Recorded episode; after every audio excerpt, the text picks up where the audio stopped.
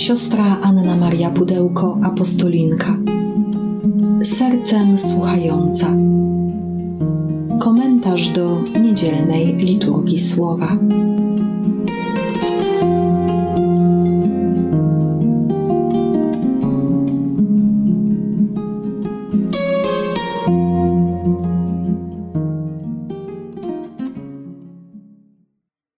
Z Ewangelii według świętego Mateusza. Jezus powiedział do swoich apostołów: Nie bójcie się ludzi. Nie ma bowiem nic skrytego, co by nie miało być wyjawione, ani nic tajemnego, o czym by nie miano się dowiedzieć. Co mówię wam w ciemnościach, powtarzajcie w świetle, a co słyszycie na ucho, rozgłaszajcie na dachach. Nie bójcie się tych, którzy zabijają ciało, lecz duszy zabić nie mogą. Bójcie się raczej tego, który duszę i ciało może zatracić w piekle. Czyż nie sprzedają dwóch wróbli za asa? Przecież bez woli Ojca Waszego żaden z nich nie spadnie na ziemię. U Was zaś policzone są nawet wszystkie włosy na głowie.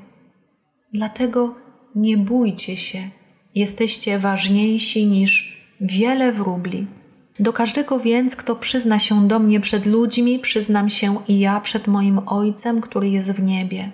Lecz kto się mnie zaprze przed ludźmi, tego zaprę się i ja przed moim Ojcem, który jest w niebie. Jezus mówi do swoich apostołów, do swoich najbliższych: Nie bójcie się ludzi. Ile razy boimy się drugiego człowieka? Że nas oceni, że nas e, zrani, że nas odrzuci, że nas w jakiś sposób oszuka czy wykorzysta. Mamy wiele takich relacji, które nie są budowane na zaufaniu, ale na lęku, mniej lub bardziej świadomym. A Jezus dzisiaj mówi: Nie bójcie się ludzi. Nie ma bowiem nic skrytego, co by nie miało być wyjawione, ani nic tajemnego, o czym by się nie miano dowiedzieć. Jeżeli żyjemy w prawdzie, jesteśmy transparentni, przejrzyści, wolni. Jezus to mówi szczególnie w kontekście świadectwa. Co mówię Wam w ciemności, powtarzajcie w świetle. Co mówię Wam w intymności Waszego serca, głoście odważnie innym a co słyszycie na ucho, rozgłaszajcie na dachach. Bardzo podoba mi się to powiedzenie Jezusa. Co słyszycie na ucho? Bóg chce nam szeptać do ucha swoje tajemnice, ale żeby go usłyszeć, potrzebujemy zatrzymania, potrzebujemy ciszy, potrzebujemy uważności, potrzebujemy otwartości, by usłyszeć, przyjąć odpowiedzieć i opowiedzieć, rozgłaszać na dachach. Nie bójcie się tych, którzy zabijają ciało. Nasze życie jest ważne, nasze życie jest piękne, nasze życie jest cenne, ale nasze życie biologiczne będzie miało swój kres, swój koniec. Ktoś może nam odebrać życie, tak, ale nie może dotknąć, zniszczyć, zabić naszej duszy, skąpanej w łasce, przyobleczonej w miłość. To, co mamy się bać, to to, aby grzech nie zabił naszej duszy. Dlatego potrzebujemy Zbawiciela, który nieustannie od grzechu nas uwalnia. Jeżeli Bóg tak troszczy się o wszystko, co stworzył, jeżeli Bóg tak troszczy się o małe wróbelki, prawie bezwartościowe, że bez Jego woli żaden nie spadnie na ziemię, to co dopiero o nas, jak bardzo się troszczy. Do tego stopnia, że nawet wszystkie włosy na głowie są policzone. Oczywiście to też jest pewna metafora, ale, ale Jezus chce nam powiedzieć: Zobacz, jak jesteś ważny dla mnie, zobacz, zobacz, jak jesteś ważna. Jesteście ważniejsi niż cały otaczający stworzony świat, bo jesteście nie tylko stworzeniami, ale jesteście moimi dziećmi. Kto przyzna się do mnie przed ludźmi, przyznam się i ja przed Ojcem. Co Jezus ma na myśli? Czy chodzi tutaj tylko o to, żeby powiedzieć: Tak, znam Jezusa, tak, wierzę w Jezusa. Jezus jest moim Panem. Czy chodzi tylko o słowne deklaracje? Nie sądzę. Wierzę, tak słyszę to w sercu i czuję, że Jezus tutaj mówi do mnie i do każdego z nas. Jeśli w Twoich czynach ludzie zobaczą podobieństwo do mnie, jeśli w Tobie ludzie zobaczą mnie, moją miłość, bo tym jest przyznanie się do Jezusa, być takim jak On, więc i ja przyznam się przed Ojcem do Ciebie. Powiem Ojcu, jesteś mój, jesteś moja. Ale jeżeli ludzie nie zobaczą w nas miłości, jeżeli w naszych czynach nie zobaczą dobroci, odwagi, wolności, prawdy Bożej, to Jezus nie będzie mógł się przyznać do nas, bo nic Jego nie będzie w nas.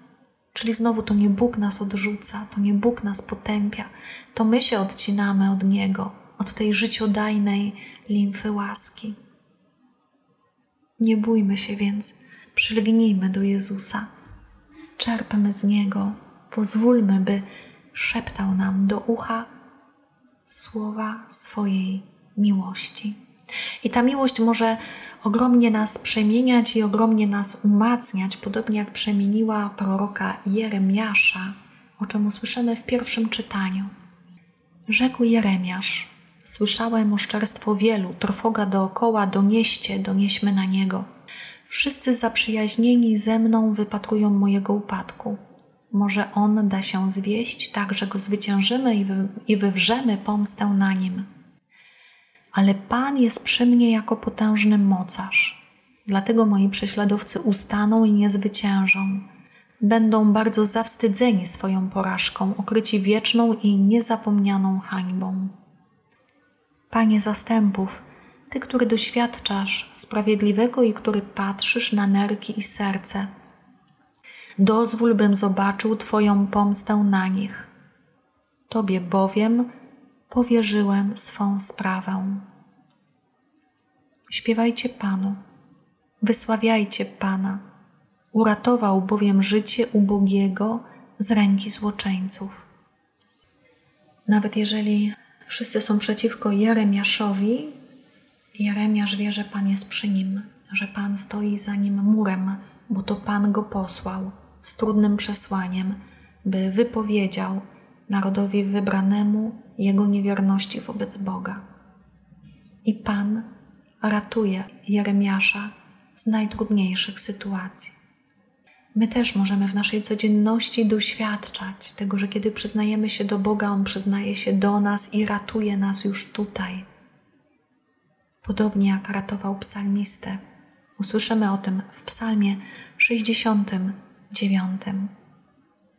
Dla Ciebie znoszę urąganie, hańba twarz mi okrywa. Dla braci moich stałem się obcem i cudzoziemcem dla synów mej matki. Bo gorliwość o dom Twój mnie pożera i spadły na mnie obelgi złorzeczących Tobie. Panie, modlę się do Ciebie w czas łaski. O Boże, wysłuchaj mnie w Twojej wielkiej dobroci, w Twojej zbawczej wierności. Wysłuchaj mnie, Panie, bo miłość Twoja jest łaskawa. Spójrz na mnie w ogromie swego miłosierdzia. Cieszcie się i patrzcie ubodzy. Niech ożyje serce szukających Boga, bo Pan wysłuchuje biednych i swoimi więźniami nie gardzi. Niechaj Go chwalą niebiosa i ziemia, morze i wszystko, co w nim żyje. Pan wysłuchuje biednych Wysłuchaj mnie, Panie, bo miłość Twoja łaskawa. Panie, modlę się do Ciebie w czas łaski. Ten czas łaski jest dzisiaj, jest teraz. Jaką modlitwę pragniesz zanieść do Twojego Boga? Do tego Boga, który uwalnia nas nie tylko od tych przeciwności ludzkich, ale uwalnia nas od czegoś o wiele gorszego, od niewoli zła, od niewoli grzechu. Usłyszymy o tym w drugim czytaniu z kolejnego fragmentu listu świętego Pawła apostoła do Rzymian.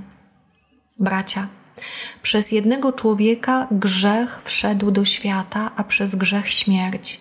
I w ten sposób śmierć przeszła na wszystkich ludzi, ponieważ wszyscy zgrzeszyli. Bo i przed prawem grzech był na świecie, Grzechu się jednak nie poczytuje, gdy nie ma prawa. A przecież śmierć rozpanoszyła się od Adama do Mojżesza, nawet nad tymi, którzy nie zgrzeszyli przestępstwem na wzór Adama. On jest typem tego, który miał przyjść. Ale nie tak samo ma się rzecz z przestępstwem jak z darem łaski. Jeżeli bowiem przestępstwo jednego sprowadziło na wszystkich śmierć, to o ileż obficiej spłynęła na nich wszystkich łaska i dar Boży, łaskawie udzielony przez jednego człowieka, Jezusa Chrystusa. Paweł mówi nam tutaj, że przez błędne wybory pierwszych rodziców Adama i Ewy grzech wszedł do świata, a przez niego śmierć.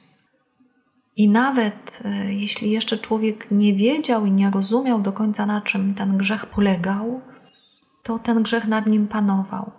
Dopiero potem, gdy przyszedł Mojżesz i Bóg dał swoje prawo, dał dekalog, człowiek powoli uczył się rozeznawać i odróżniać dobro od zła. Ale potrzebowaliśmy czegoś więcej i kogoś więcej. Sam dekalog jeszcze nie daje nam mocy być wolnymi od zła. To moc daje nam Boża łaska. To moc daje nam miłość objawiona w Jezusie Chrystusie. To Duch Święty może nas prowadzić ku dobru, może kierować naszą duszę do wyboru dobra. Nie wystarczy sam przepis, nie wystarczy samo prawo. Nasza dusza potrzebuje tego czułego, boskiego, ożywiającego tchnienia Ducha Świętego, który pozwoli nam przylgnąć do łaski, do miłości, do prawdy. I to mamy dzięki Jezusowi Chrystusowi. Nie bójmy się ludzi, bójmy się stracić naszą duszę poprzez grzech. Pozwólmy, by Bóg szeptał do naszego ucha słowa swojej miłości, swojego przebaczenia, swojego miłosierdzia, a potem bądźmy odważnymi świadkami i głośmy na dachach to, co On mówi do nas w naszym sercu.